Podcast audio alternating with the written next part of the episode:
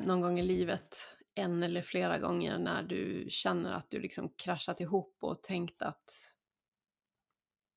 Ja, men haft den här känslan av att liksom, nu är det kört. Jag bara, jag orkar inget mer, nu ger jag upp. Nej, jag har haft ett liv fritt, helt fritt från eh, krascher. Mm. Nej, jag skojar bara. Det var ett program när du bara berättar hur får man det? Vad är hemligheten? Och vilket jämnt humör jag alltid har gått omkring med. Och... Mm. Nej, men självklart har jag det. Eh, absolut. Kanske inte på den här nivån. ehm, det har väl varit ett par tillfällen när det har varit, jag orkar inte gå upp ur sängen liksom. Men, men eh, sen tänker jag att det är så här, det finns ju krascher av det slaget där man faktiskt inte kommer upp ur sängen på riktigt utan behöver eh, akut hjälp och så. Jag tänker liksom det finns ju olika nivåer av krascher. Så. Mm.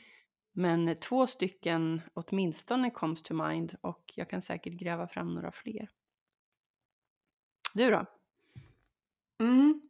Jag har haft eh, den typen när jag inte kommer upp ur sängen. Mm. Haft typen då jag har fallit ihop och bara legat och gråtit på golvet. Mm. eh, och inte kommit upp.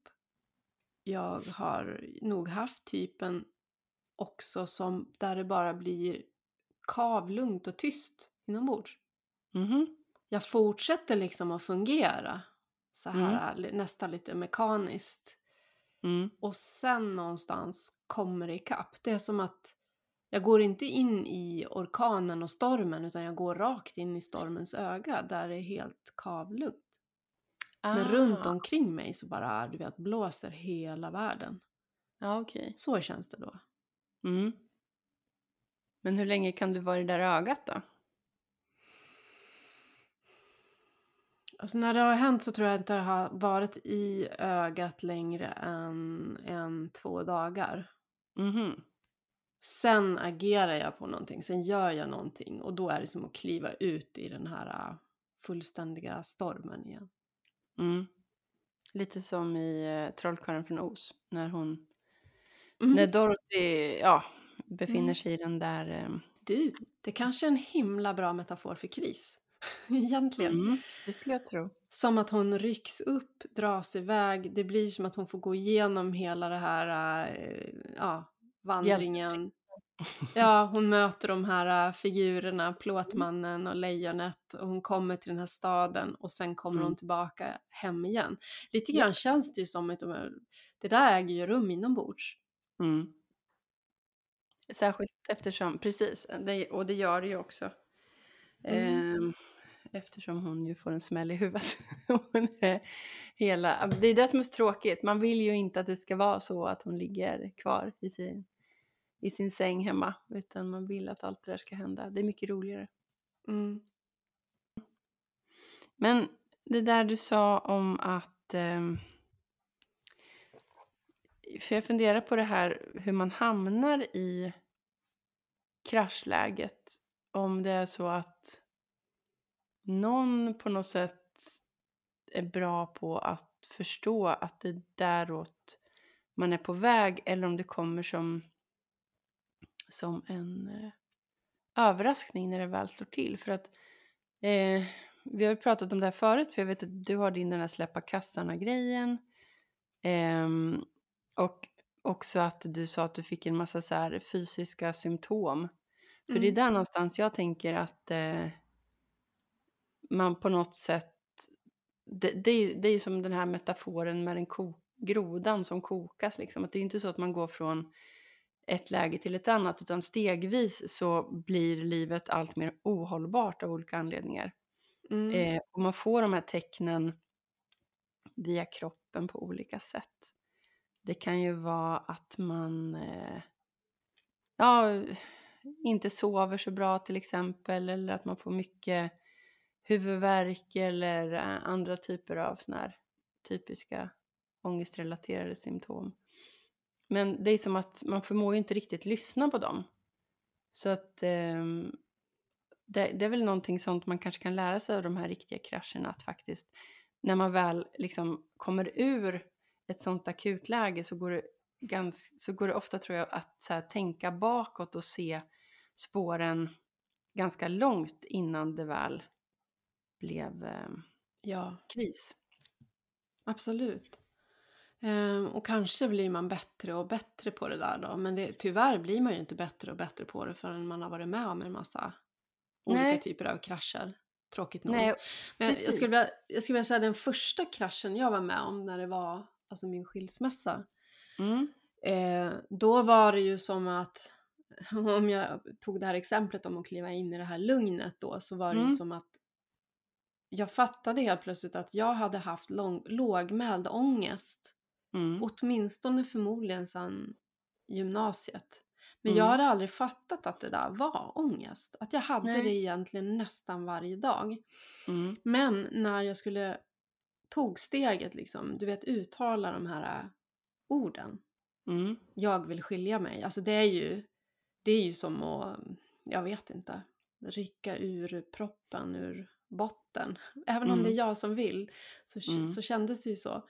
Mm. Då var det som att någon tog den här ångesten och så skruvade upp den på hö, hö, högsta volym. Och det var först Mm. så jag fattade liksom att det var bara, det var samma samma jag alltid har känt men uppdraget på högsta volym så. Mm. Så det var ju som ett tydligt tecken och där, där lärde jag känna ångest i alla fall. Så den kan jag Mm. ju känna igen nu. Men innan Mm. dess visste jag ju inte vad det var. Fastän Nej. jag kände det varje dag. Ja. Det, ja, precis. För jag påminner ju en hel del, tänker jag, om mina erfarenheter av, av ångest. Men jag kan ju se att jag har haft den här ängsligheten, oron och ångesten sedan jag var riktigt liten. Eh, Mm. och eh, i olika, och att det har kommit extra mycket i perioder så. Men, men då, då för tiden så visste man, alltså så pratade man ju inte om, om sånt här utan jag hade en period när jag var någonstans där mellan 10-12 där jag var väldigt orolig eh, att det skulle hända mamma eller pappa någonting. Eh, och då kunde jag få såna här riktiga, det var ju i princip varje dag när det var som värst. Eh, jag och dagmamma, vi bodde ju en bit ute på landet och eh, var ganska långt upp i åldern fick vi vara hos en dagmamma efter skolan. Och då kunde, det var liksom en liten bit från skolan. Och i väntan på att pappa skulle hämta oss eh, efter dagen så, för han jobbade på, på skolan där, där jag gick. Så det, vad kan det ha varit från skolan till min dagmamma? Kanske 500 meter, högst en kilometer. Eh, och eh, jag var ju så gick, började ju gå och oroa mig för att det skulle hända honom någonting på den här vägen, att det skulle bli någon bilolycka eller någonting. Eh, och i början så var det väl mer så att jag blev orolig om han kom för sent. Då tänkte jag att det hade hänt någonting. Men sen så blev ju det här, det åt ju sig in och naggade på tiden mer och mer och mer. Så till slut var det ju så här att nu är det en halvtimme kvar tills han ska komma. Jag måste nog börja lyssna efter bilen så här. Och tänk om han egentligen trodde att han skulle komma halv fyra och så sa han fyra för att jag inte skulle bli orolig. Alltså kunde jag då börja bli orolig 20 över tre. Lite Oh, sådär shit. liksom. Ja. Ah. Eh, så i princip varje dag så bröt jag ihop och grät och gick från fönster till fönster och ner till dörren och lyssnade. Och, eh, Åh. ja. så det, den typen av beteende och ehm, oro, den, den, den har funnits med mig hela mitt liv i olika, om, liksom, olika intensitet. Så. så det är väl mer något jag har lärt mig att leva med. Ehm, men ehm, den här typen av oro eller ångest som handlar om att någonting är fel och att man på något sätt um, man behöver förändra någonting i sitt liv. Den är lite svårare för mig att få tag i. Mm. Eh, där, för det är precis som för dig där så är väl skilsmässan det värsta. Ja, men hur kände du det då, då? Hur visste du att nu, nu går det inte längre? Det, det var fruktansvärt. Alltså det, det, det, det var ju som att... ehm, ja, jag vet inte. Det, blir det blir väldigt... ehm, jag får väl vara väldigt personlig nu, men det satt ju ganska långt inne, måste jag säga, för att... eh, den här känslan av att det finns ett skav i ens liv och att eh, man kan inte riktigt identifiera vad det här skavet kommer sig av. Mer att eh, det är någonting som inte stämmer, det är någonting som gör att jag inte mår bra. Eh, när man å ena sidan, eller, å ena sidan har en väldigt bra partner eh, och det finns ingenting där liksom att det vore, det vore så skönt om, om det hade handlat om att man levde med ett rötägg. Liksom. För då kunde man ju verkligen så här, ja men kolla här, eh, det här och det här har hänt. Och, men nu, nu på något sätt så, det fanns inget tydligt att ta på. Mer än att det var inte, liksom, det funkade inte längre för mig. Mm. Eh, och men, och så du kände ingenting i kroppen? Hade du liksom inga fysiska jo, symptom? Jo, jättemycket grejer med kroppen. Det, var, det började ju med eh, ja, men så allmän liksom känns allmänna, att, att ångesten blev starkare, oron var starkare. Men sen så började ju också sömnen strula rejält och jag har alltid kunnat sova. Eh, mycket huvudvärk, migrän eh, och eh, ja, men som ångest som fastnade, som inte släppte. Så panikångest som inte släppte. Och det, så det var mycket sånt här. Det var, det var en väldigt jobbig period. Um, och, um, men det var ändå som att jag inte riktigt fattade att det hängde ihop. Men du kanske, är du som jag då, då att du försöker ändå att förklara, eh, hitta liksom fel hos dig själv till exempel. Ja, ja. Det är jag väldigt bra på. Ja, um, absolut. Det är bara jag som måste hitta en annan inställning. Jag måste hitta Exakt ett annat så. förhållningssätt. Det är bara jag som är en jävla tjurpuppa här. Ja. Mm. Nej men så, det är ju lite så som jag har tänkt om mig själv och mitt liv. Och jag vet inte om, vi har säkert sagt något om det förut, men det här livsskavet, det, det, är ju det är ju inget nytt. Men jag trodde ju någonstans att det skulle försvinna om jag hittade rätt partner. Eh, mm. men, men, nu vid snart 50 års ålder så inser jag ju att det handlar inte om partner eller inte partner, utan det här handlar ju om att eh, försöka hitta vilken typ av liv jag vill leva och behöver leva. Jag har ju försökt leva som man ska, eller på det sättet som förväntas av en och tagit de, eh, ja, men de roller och de möjligheter som jag har tänkt står till buds. För att det finns inte så mycket att jämföra med heller. Eh, det finns ju inte så många alternativ. Eh, så att det är väl också det, man tänker så här, hamnar man i en sån situation i en relation som egentligen är jättefin och ändå känner så här, då tror man ju såklart att det är mig det är något fel på. Mm. Men gud vad eh. intressant, du känner ett skav mm. främst alltså? Mm. För jag känner ju längtan. Alltså det har alltid varit längtan som, som drar i mig. Men skulle man kunna säga skav slash längtan? Ja, ehm. För det är nog och en längtan mm. efter någonting annat. Men för mig mm. så tror jag att det ofta har liksom kommit att handla om flykt då.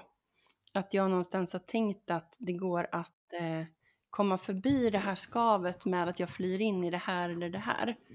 Eh, så att längtan, eh, ja, jag tror att längtan efter frihet är mycket det som, som jag nu liksom kan ringa in. Men det, är ju, det här är verkligen en work in progress. Jag har inget svar på det här än.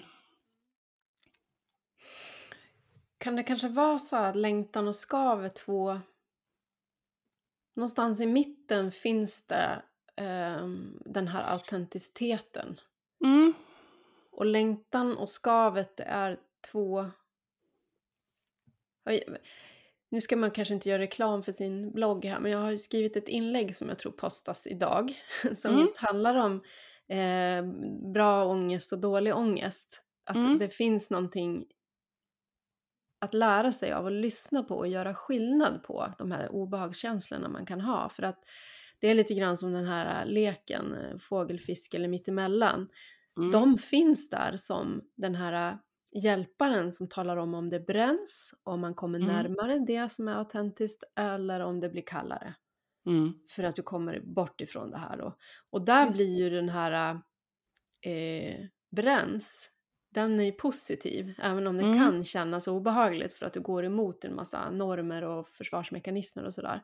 Mm. Eh, men det är det jag tänker, skav och längtan är ju lite att använda andra begrepp. Mm. Eh, där längtan kanske är... Alltså man, nej, man kan bedra sig med längtan också. Det har jag ja, också man gjort. kan ju det. Man kan eh, haka upp längtan på fel saker.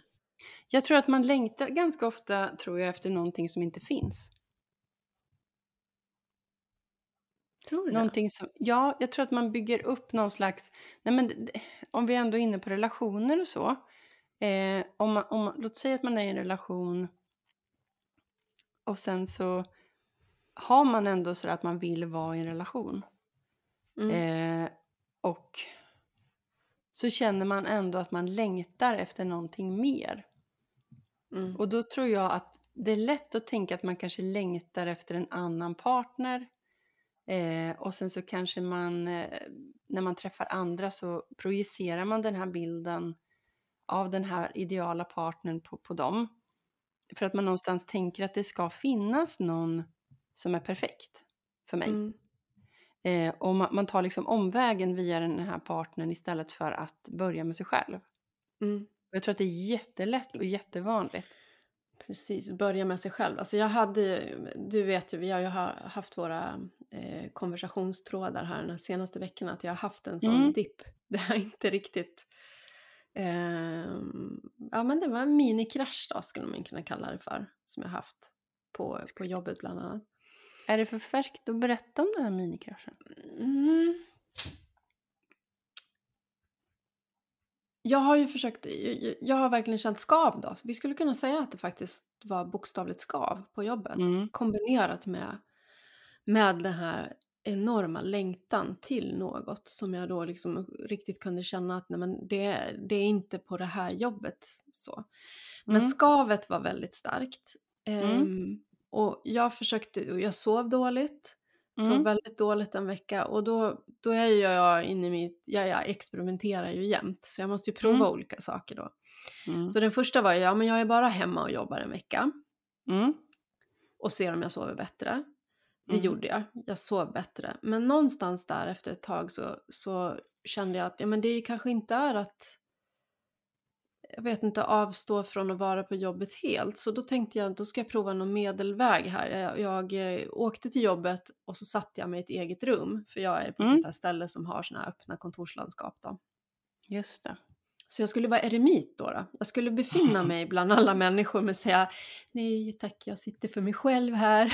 Jag, jag jag Susanna, jag, jag, behöver lite, jag är speciell. ja, precis.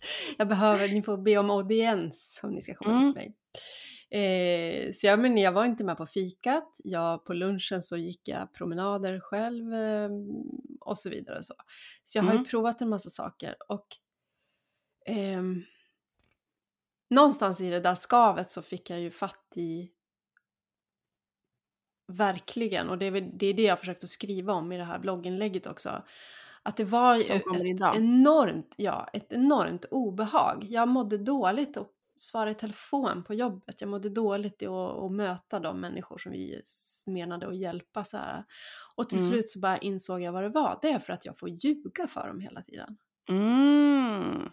Jag går emot mina värderingar. Alltså jag är inte uppriktig. Jag kan inte mm. ge de här människorna de bästa förutsättningarna för dem att fatta bra beslut i sina egna liv.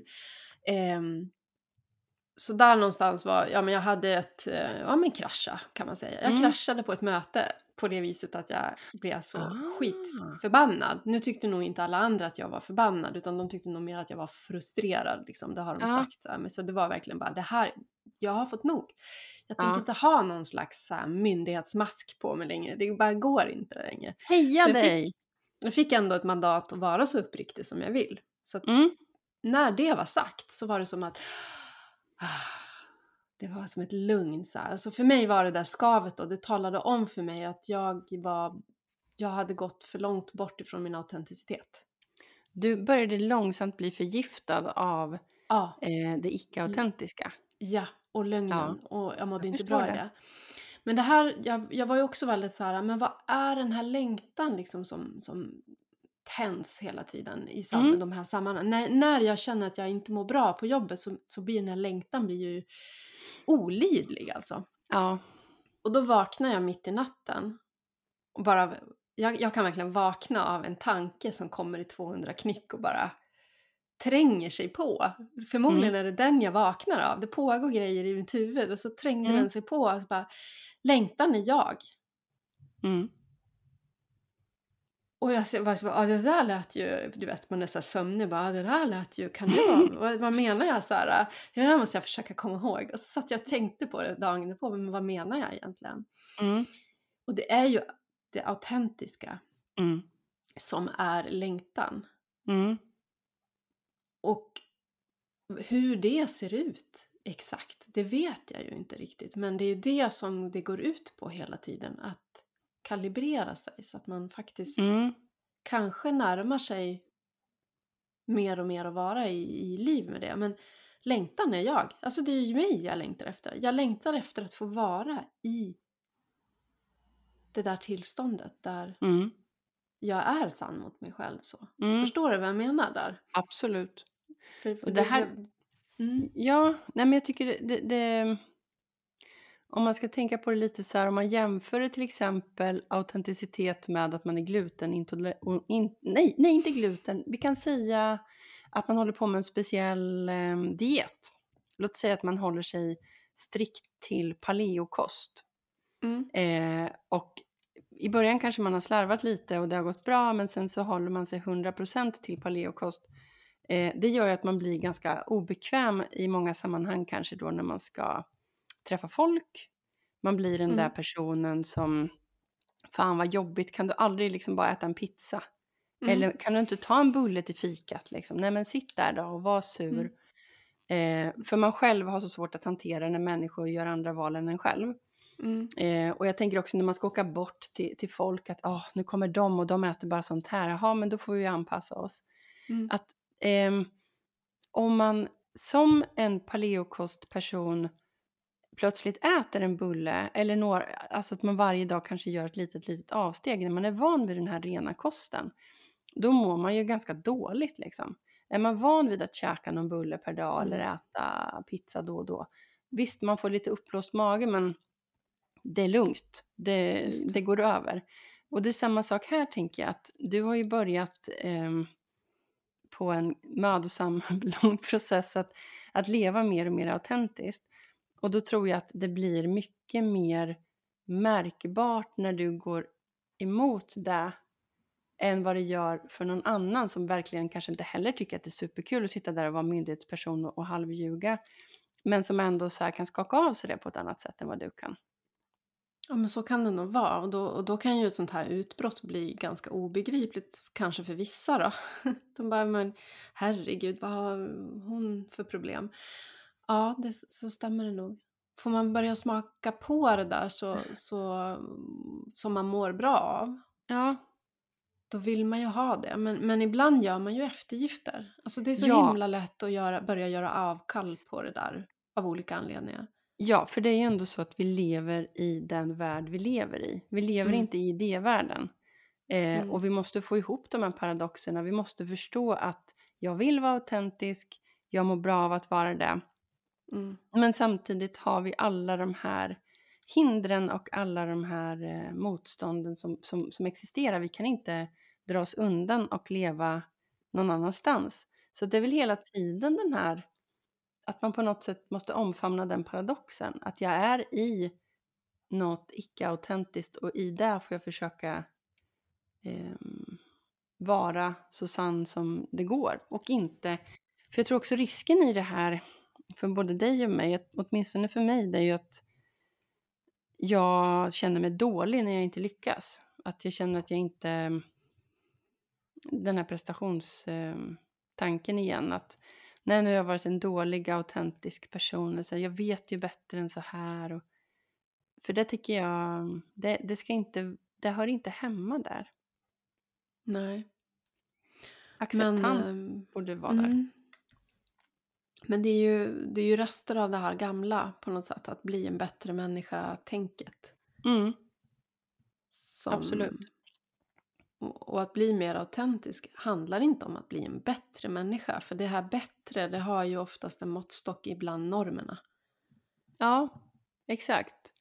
Och det dockar rakt in i ett ganska destruktivt beteende som jag har och som ofta brukar, inte förebåda en krasch kanske, men ändå vara ett ganska tydligt tecken på att nu är det någonting som inte är så bra. Den jag börjar bli eh, lite så här, att jag börjar göra upp regler för mig själv kring mat till exempel.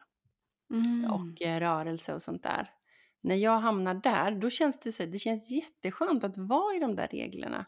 För då känner jag att det så, då kan jag göra rätt och jag känner mig duktig och jag känner mig så ren och eh, rätt. För att det är mycket svårare att vara i en värld utan regler. Och samtidigt vet jag när jag är i den här lite ätstörda världen så, så jag vet ju egentligen att det inte är bra. Men, men eh, det är ju också den här prestation, jag tror att det är väl där någonstans som jag backar tillbaka, jag backar tillbaka in i, i någon slags prestation för att det, det är min go-to. Att nu hittar jag något nytt sätt där jag kan göra rätt enligt någon slags regelbok för då ja, det, det blir för stort och för fritt och för svårt annars liksom. Men skulle du säga att det är din ångestbearbetning då? Istället för att kanske direkt begripa då och förstå att nu har jag, ehm, nu är inte jag sann mot mig själv här. Eh, och, och, det blir jättejobbigt så, så blir det en typ av ångesthantering istället för att du kanske gör någonting åt det där och börjar släppa på autenticiteten så den får bli fri igen. Mm. Är det så? Ja, det tror jag. Ja, det är i alla fall en, en ganska vanlig strategi för mig. Att eh, ta till något sånt. Och det tänker jag också är en sån där eh, rest från eh, min bakgrund tror jag. Det här med tydliga rätt och fel och eh, att det ska finnas någon slags auktoritet att gömma sig bakom. Det behöver inte vara en eh, förkunnare eller en pastor. Det kan vara en, en, vad ska man säga, en typ av kosthållning eller, ja, eller en typ av eh, träningsform eller ja, så. Just det. Och då blir ju det, det blir en ersättning för att man tar tag i det som hindrar ens autenticitet. Och tror mm. du inte då att ju mer man håller på sådär, jag menar jag försökte ju nu då att experimentera på olika sätt. Nu ledde ju det ändå fram till att jag begrep den här gången vad det handlade om så. Men mm. om man går till när jag eh, tog det här chefsjobbet. Mm. Eh, då såg ju inte jag mina kroppsliga symptom. Utan Nej. jag fortsatte ju att göra mer av samma sak. Jag nästan skruvade ju upp det ännu mer och försökte göra saker och ting ännu bättre. Mm. Ta på mig mera saker, försöka att lösa det problematiska ännu bättre mm. eh, på, på jobbet och så. Mm. Det är då man bäddar för krascherna. När man börjar med ångesthanteringen i form av olika kontrollbehov. Och prestation. För jag tänker, då var väl det... Um, ja, men på något sätt så var det väl samma beteende där då, att du tänkte att det hade med dig att göra. Mm, det var jag mm. som måste göra bättre. Mm. Fast bättre, ja precis, jag tänkte bättre. Det hade varit bättre om jag hade, liksom, ja men jag, jag måste bara vara mig själv här. Mm. Då hade det ju landat i någonting som kunde bli bra. Men här var det ju ett bättre som också gick utifrån måttstocken vad jag tänkte att en bra chef var. Mm. Och vad en duktig Susanna var. Mm. Och det var det som liksom jag strävade efter. Ja, för det var ju min första krasch också. Hade ju med jobbet att göra. Mm. Och eh, det påminner nog väldigt mycket om ditt. Det var absolut ingen ingen chefsposition. Jag hade en projektledarroll och hade aldrig varit projektledare och är ju alltid livrädd för saker jag inte har testat förut. Och ändå så var det ju någonting i det här jobbet som drog mig för att eh, jag hade väl någon så här utvecklings... Eh, ja men känsla, eh, längtan då, eh, skav och längtan eh, efter något nytt. Och samtidigt den här alltså, galna skräcken för att göra fel och misslyckas. Vilket ju gjorde att de här tre åren som projektledare, jag var ju, jag var ju rädd hela tiden typ. Mm. Och eh, precis som du där så, det var inte alls så att jag kunde gå in och titta på den här projektbeskrivningen och se att den här är helt, eh, liksom, helt galen.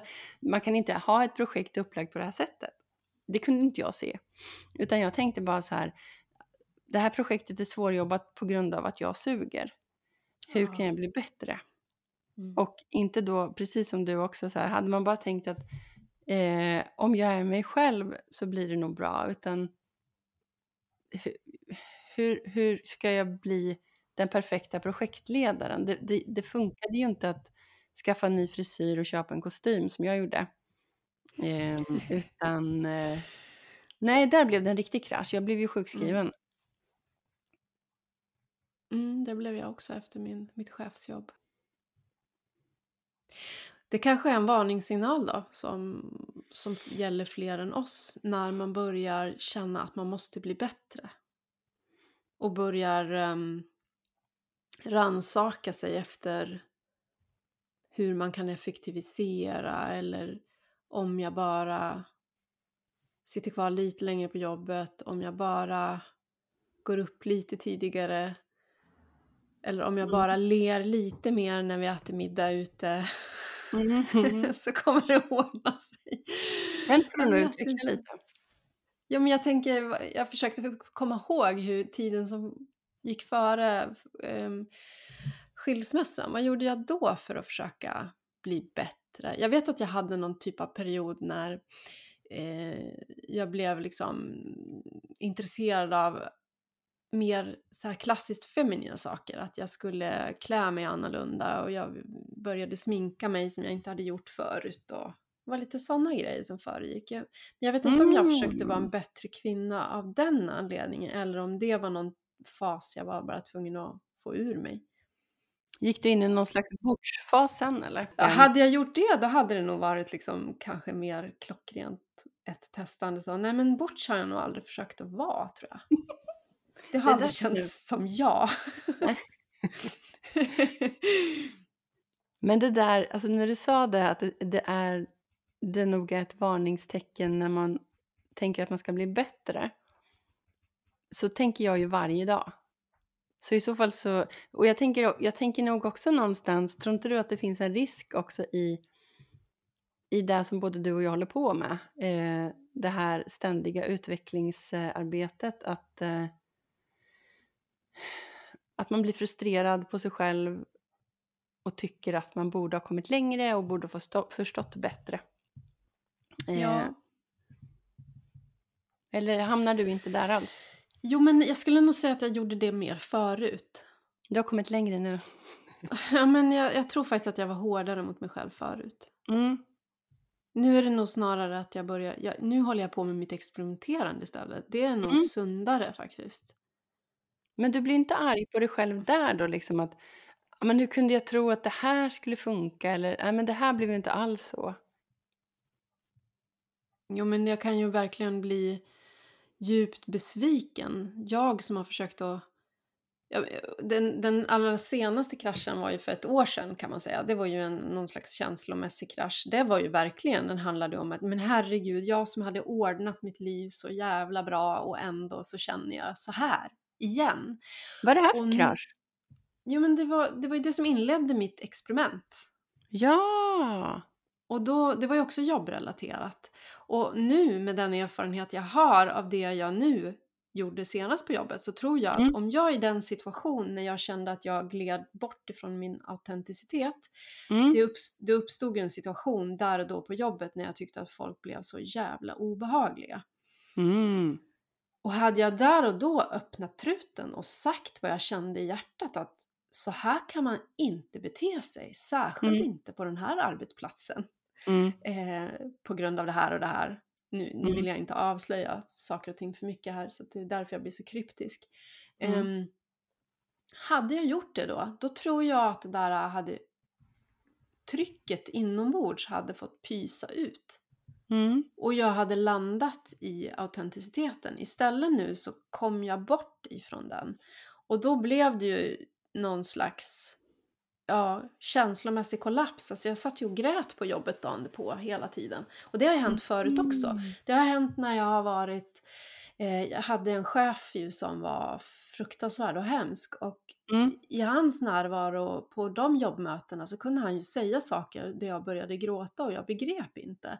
Men nu så här, faktiskt, och det, här, det har jag ju inte tänkt på förrän nu när vi sitter och pratar om det. Så efter det Mm. senaste som hänt på mitt jobb när jag insåg att jag har kommit ur min autenticitet. Så det, det gjorde jag ju då också. Jag skulle nog ha behövt säga till honom att du är en hemsk människa. Så här kan man inte hålla på. Det, är, Mm. det här är människor du har omkring dig, det är inte robotar. Mm. Och då hade jag kunnat vara en mycket gladare, mer välmående människa om jag hade fått det ur mig. Men vem säger sånt? Jag vet inte. Jag tror att det finns de som gör det. Men då, gör de det Men jag var för rädd. Jag var, jag var livrädd för honom. Men det är klart. Det är det som är så svårt med sånt här. Det är inte så himla lätt att vara autentisk med alla människor. Därför att vissa människor skrämmer skiten ur en. Och vissa människor kanske är en annan... Alltså, har man att göra med en person som också pratar rakt och rent, om vi nu ska kalla det det. Vi kan också Mm. säga pratar autentiskt. Då, då går det ju. Då kan man ju prata med en sån person utan att få ett sånt här utbrott. Men jag tänker att har man att göra med en person som är mer av det manipulativa slaget och som kanske tror sig vara på ett sätt men visar andra drag. Det är ju väldigt svårt att eh, komma åt även om man själv då är autentisk. Mm. Det Men tror jag i det alla fall. varit, jag tror, jag hade nog inte kunnat ändra på den här personen. Men Du hade det varit hade, bättre. Det hade kunnat spela roll för de andra människorna omkring. Och för dig först och främst tänker jag. Ja, jo, jag hade också mm. absolut mått bättre, men jag tror att... eh, För jag, jag tror ju att det spelar roll. Det här att hålla tillbaka på autenticiteten Mm. och tro att det drabbar bara mig om jag håller tillbaka den. Det Det stämmer gör det inte. För att det, det här är en... Om alla människor skulle släppa på det här, alltså det skulle bli en sån otroligt mycket bättre värld. Jag är Mm. övertygad om det. Om alla var det. Ehm, det är Det är min så. dröm. Det är min Ehm, dröm också. Ja, ehm, så jag tror, jag har börjat fatta tror jag att det här jag har inom mig, det är viktigt att jag delar med mig av det. Det är Ja, inte det- obetydligt. Det är jätteviktigt. Ehm, Mm. Och jag kan säga rent eh, mässigt så är det faktiskt, eh, ja det finns forskning på det. Eh, vi hade en, eh, i torsdags en konferens på mitt jobb som fokuserade på kultur och hälsa. Det var jätte, jättebra grejer. Alltså det, hur, hur olika typer av kultur påverkar oss på djupet så att vi mår bättre. Kort eh, sammanfattat. Men då var det en eh, forskare som pratade just om det här med ja, våra olika, tre olika drivkrafter. Att vi, vi eh, rör oss ju mellan hot, eh, prestation och trygghet. Eh, man kan kalla dem för lite olika saker. Men, ehm, och när man är i eh, det här eh, trygghetszonen som ju då är där man känner sig trygg, lugn, harmonisk. Jag tror att det, mm, om man ska prata signalsubstanser så är det väl eh, oxytocin och serotonin där. Eh, och när man är i det, i, i, liksom i den eh, ja, bubblan eller i den, det tillståndet, då smittar det av sig på andra. Eh, och på något sätt eh, triggar igång det här hos dem också. Precis som det gör om man är i, eh, det här stress och hotsystemet. Eh, att eh, rädsla smittar också, ångest smittar. Eh, mm. och därför är det så oerhört viktigt om jag tänker att om jag går till mig själv till exempel och till mina barn som också är två ängsliga oroliga själar att de vinner också på att jag tränar och jobbar på mig själv kring de här sakerna för att mitt lugn smittar av sig på dem. Min stress och min oro smittar av sig på dem. Jag tänker att så gäller det ju även på jobbet då. Mm. Absolut. Men jag tror inte att jag, jag flydde in i en falsk trygghet. Alltså att vara tyst blev ju en falsk trygghet för jag bara vände hotet inåt i... Jag internaliserade det ju på något sätt.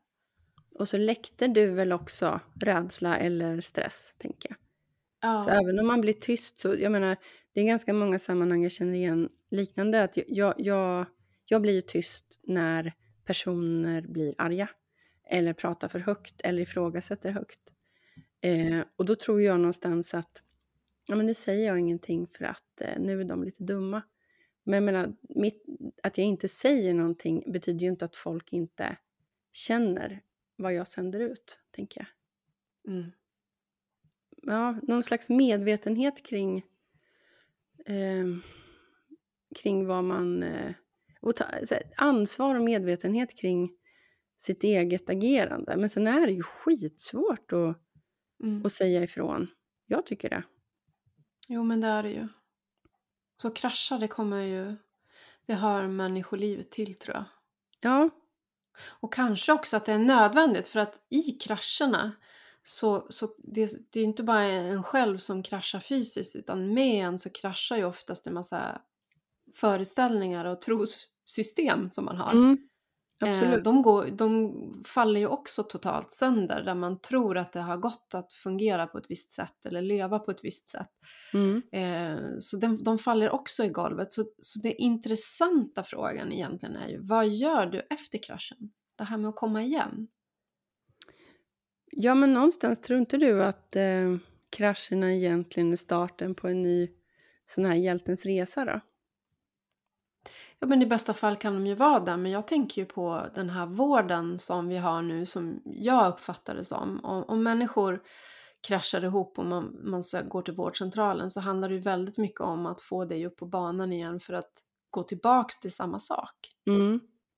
Um, och jag ska säga att jag pratar ju ut, naturligtvis ur en bråkdel av erfarenhet. Det finns förmodligen bra sån vård att få också. Men jag har uppfattat det som att det väldigt mycket handlar om att ja, men du måste tillbaka och bli en produktiv människa. Mm. Kanske inte så mycket, inte de jag har mött i alla fall, handlar om att hitta Ja men ingen skulle ta ordet autenticitet i sin mun i sådana där sammanhang till exempel. Eh, men du skulle ju kanske Ja, det är klart att det, det, man pratar om tid och om eh, prestation, det kan man nog göra, men samtidigt så ska du ju arbetsträna dig tillbaka till samma arbetsplats ofta och samma sammanhang. Jag vet inte hur mycket man får ha. Andra kanske har fått mer hjälp med att göra upp med olika typer av idéer i ens huvud. Ja, det här är intressant, för jag, jag kommer ihåg det var ju lite olika, vad ska man säga, det var lite blandad eh, hjälp i början där när jag då inte kom upp ur sängen och bara grät. Eh, första samtalet på vårdcentralen med, var med en person som direkt frågade, tänker du ta livet av dig? Mm. Eh, vill du ha medicin? Mm. Eh, och sen så fick jag träffa en annan läkare som som var bra eh, och där jag sa att ja, men jag kanske jag kanske inte, för han sa någonting så här att ja, men du har sökt hjälp i tid. Och min spontana reaktion på det var oj, då kunde jag ju väntat lite till. Eh, jag kunde, var, ja, men liksom att oj, då kanske jag är här för tidigt. Liksom. Oh. Och då sa han att ja, men det är typiskt eh, personer som du att säga så, att det är liksom personer som ska vara mm. duktiga och prestera. Så att han hade ändå identifierat någonting där Eh, sen träffade jag också en eh, psykiater via regionhälsan som faktiskt fick mig att gråta eh, på ett positivt sätt. Eh, annars så brukar det ju vara... Jag har ju inte...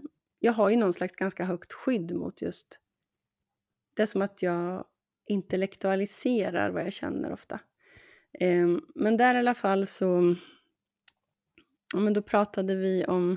Hon frågade lite vad vi hade gjort i veckan och, och jag började... Eh, hon, jag pratade och hon skrev på någon tavla och så sa jag att jag var ute och gick mycket. För jag tänkte någonstans att men om man ska vara en duktig så här, patient som mår dåligt, då ska man ju röra på sig. Det hade jag ju lärt mig liksom. Och hur mycket går du då? Så här?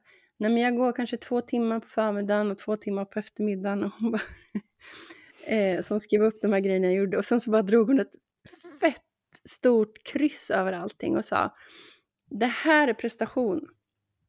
Ja. Och jag bara, fast jag måste ju få gå. Och jag hade ju också då börjat räkna, så här, kollat, om jag gick 26 000 steg igår, då måste jag ju gå mer imorgon liksom. Så det blev ju en sån grej igen, att jag hängde upp mig på antal ja, steg. Ja, men vad bra. Då har ju du mött ja. bra. Du har jo, ju bra erfarenheter. Hon, ja, men det hon gjorde också, det var ju, det som verkligen så var en breakthrough för mig, det var att hon sa så här, eh, den lilla Linda behöver lära sig att hon duger precis som hon är. Mm. Och det var ju som att någon vred om en kran. Jag började ju storböla. Mm. Och det tyckte jag var så fint liksom. Och det är mm. så enkelt och så svårt är det. Mm. För jag tänker att det handlar ju om det. Egentligen handlar det kanske inte om jobbet man är på eller partnern man har. Det kan det naturligtvis göra. Det kan ju finnas jättedestruktiva eh, bitar i båda dem. Men eh, ganska ofta handlar det nog mycket om att man faktiskt inte är i sin autenticitet.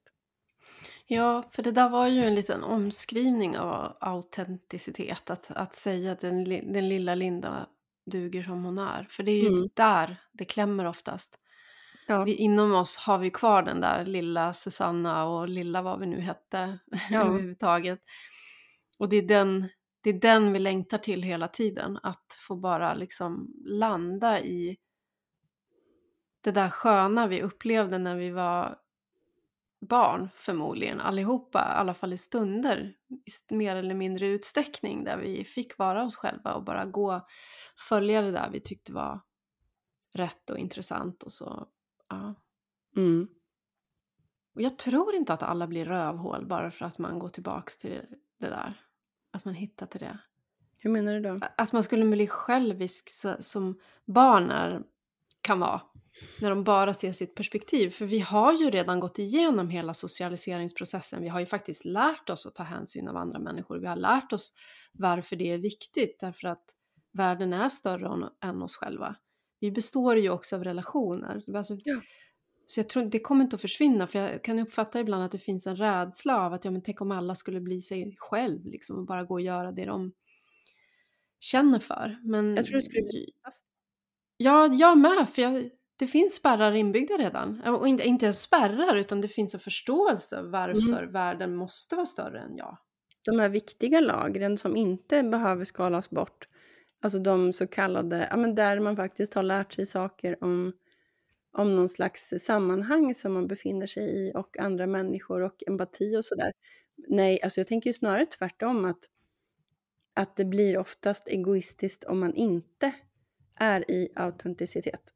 Eh, därför att det är då människor hamnar i de här ängsliga beteendena som eh, inte är särskilt sköna att möta. Det kan ju vara avundsjuka, rädslor, eh, ja men ilska, eh, bitterhet, offer, offerkofta, alltså alla sådana bitar tänker jag.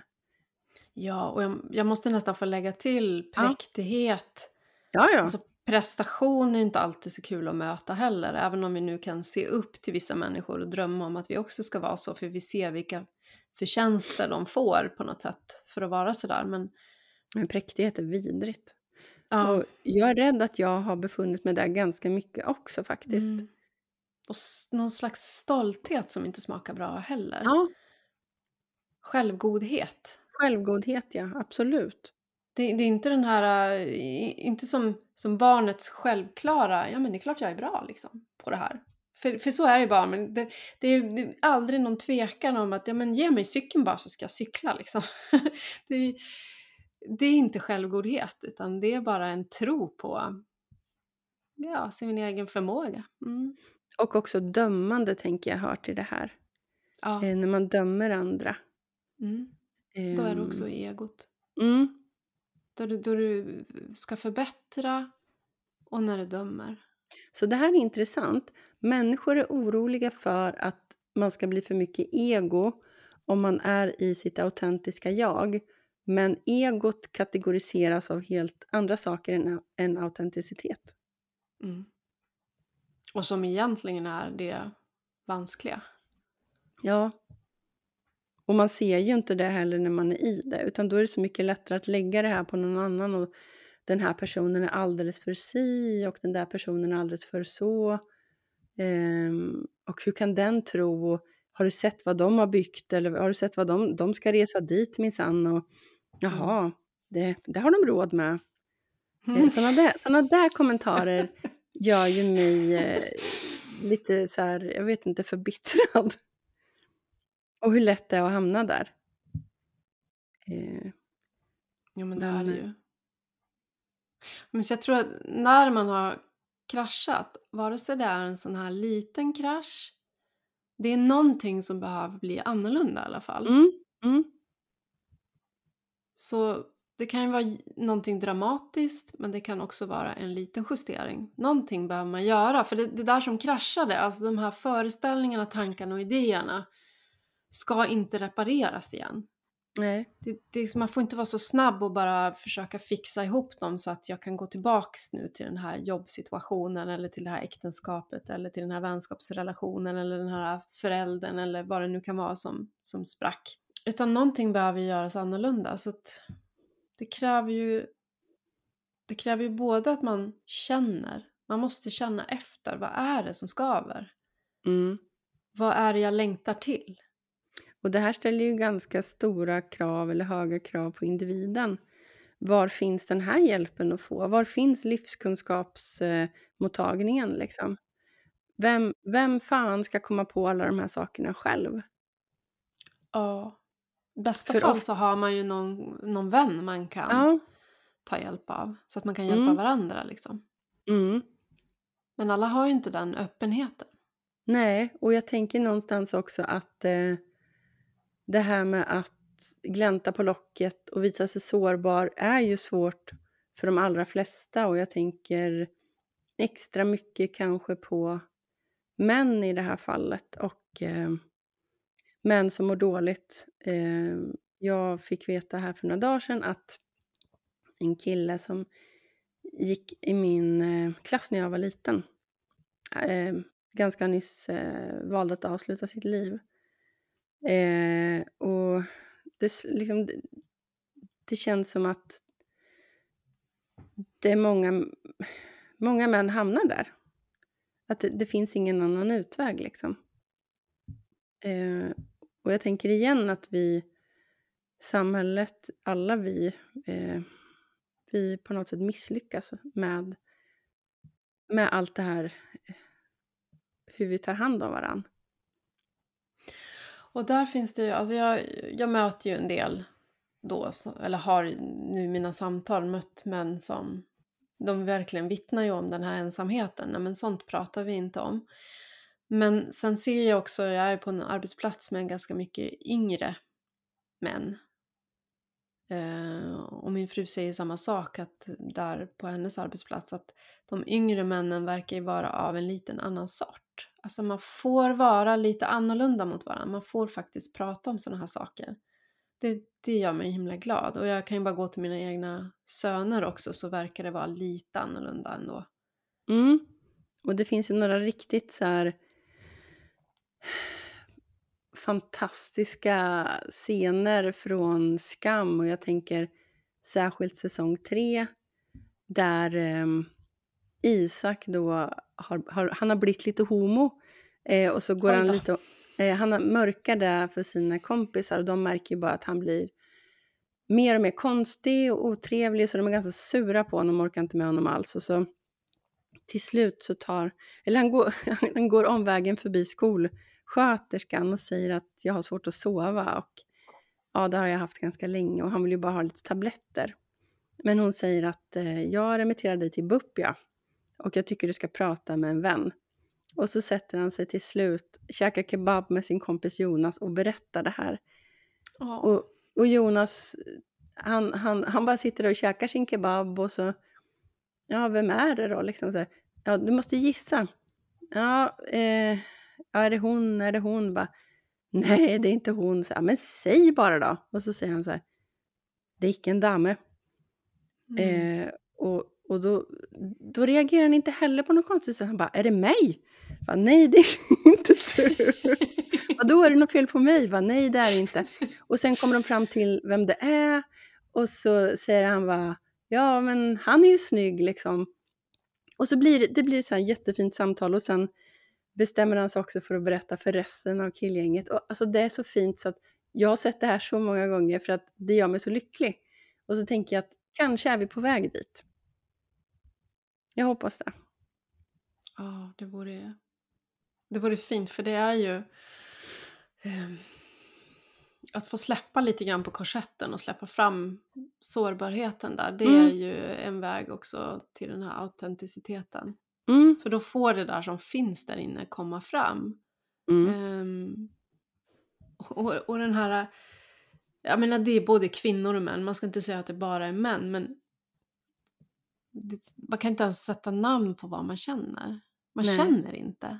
Nej. Ja men det vet du, vi har pratat om det, du känner det och jag känner det ibland, att man tänker ju.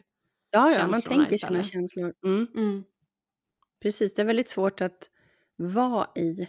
Eh, och en sån känsla som jag ändå har identifierat som, som går att träna på att vara i, det är bytesdagar. När barnen, när jag har lämnat barnen hos sin pappa. Då är det mm. en sån fysisk, tydlig känsla. Och det är väldigt lätt då att tänka nu ska jag hitta på någonting. Mm. Eh, men jag tror att det bästa för mig i de lägena är att åka hem och bara vara i den. Och låta den kännas. Men det är svårt. Men den är ändå, det är ändå en sån här känsla som jag har fått syn på och som jag försöker att bara låta vara som en känsla. Mm. Så det kan åtminstone vara en träning. Det där du säger nu, det är väl mm. nyckeln hela vägen. När man kanske kan undvika krascher om man faktiskt gör på det där viset. Om du tillåter dig att känna. Därför mm. att i, i känslan, jag har ju pratat om henne förut, den här känsloforskaren. Ja. Eh, sydafrikansk tror jag Susan David, som, mm. som vill hon vill revolutionera hur vi tänker om känslor, att det är data. Mm. Så vi, vi tänker om det som någonting som det är bara jolmigt och mm. kladdigt och det ska vi inte hålla på med, men att det är fakta mm. som talar om om du är i fas med dina värderingar eller inte. Ja. Så någonstans har ju de en, en väldigt stark koppling till autenticiteten. Mm. Och säkert till sjukdomar. Hur tänker du då? Nej, men jag tänker att går man runt och ofta bara ignorerar hur man känner så, så, så, så får man ju fysiska... Eh, ja. Mm. Ja, mm. ja det, det, finns de mest roliga exemplen som jag har sett i min närhet av psykosomatiska symptom. Mm. Bokstavligen, alltså det, det, blir ju på riktigt, det är precis som det här med placebo, det blir fysiska effekter. Det går ju inte mm. att, det är inte på. det sitter inte bara i huvudet utan det blir ju en kroppslig eh, kroppslig effekt också. En mm.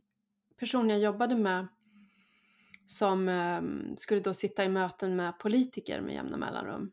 Mm. Och där hon ogillade det där så skarpt och det skedde kanske en gång i månaden. Mm. Och när hon kom till jobbet på morgonen då så mm. var hon full i röda utslag. Nej. Ja men det är ju typiskt. Stressutslag alltså. Fast ja. det fattade hon ju inte först utan hon gick ju och, och sökte hjälp hos hudläkare och så här, som till slut mm. blev det bara äh, slutsatsen blev ju att det hade med stress att göra. Mm. Det var politikerutslag. Verkligen politikerutslag. Det kan man få. Mm. Ja, ja, ja, absolut. Jag har full förståelse för det. Ja. ja mina mest fysiska symptom så, det, de har ju varit eh, Ja, men hjärtklappning är väl en så här, dubbla hjärtslag är väl en klassiker. Viktnedgång, Absolut. sömnlöshet, eh, magsyra, alltså problem med Mm. magsyra. Men det fattade inte jag, utan det bara smakade sött i munnen hela tiden. Mhm. Någon konstig söt smak. Och det var den jag sökte läkarhjälp för. För att jag liksom, varför är det så här? Det är som att jag dricker någon söt dryck hela tiden och den där smaken hänger kvar i munnen så. Men Mhm. eh, då var det li- magsyraläckage Mm. helt enkelt. Den är härlig. Mm, den var jättehärlig. Mm. Det går i alla fall att komma igen. Det går att komma igen, men vi kan väl kanske enas om att det finns kanske inte någon så här superbra hjälp att få alltid. Eller det Nej. som man skulle behöva i, just då kanske inte är eh, att mötas av frågan tänker du ta livet av dig? Nej. Även om att jag förstår att de måste göra en sån screeningprocess liksom. Jo, det är väl bra att de gör den. Mm. Men tyvärr så tror jag att det sista man vill när man mår sådär Mm. dåligt, det är ju att känna efter. Men tyvärr tror jag att det, det är liksom nyckeln. Mm. Men man behöver inte vara ensam då. Man behöver väl inte göra det. det ensam. Nej men det är väl det att om man, om man Mm. inte har någon att eh, ta stöd av eller vara med i det här. Så det är läskigt ändå men det är ju det är skitläskigt att göra ensam. Mm. Så det är inte konstigt att man flyr och eh, försöker eh, döva det, de här känslorna på olika sätt. Nej men vad fint det vore om vi kunde hjälpa varandra och lägga pusslet efter krascherna.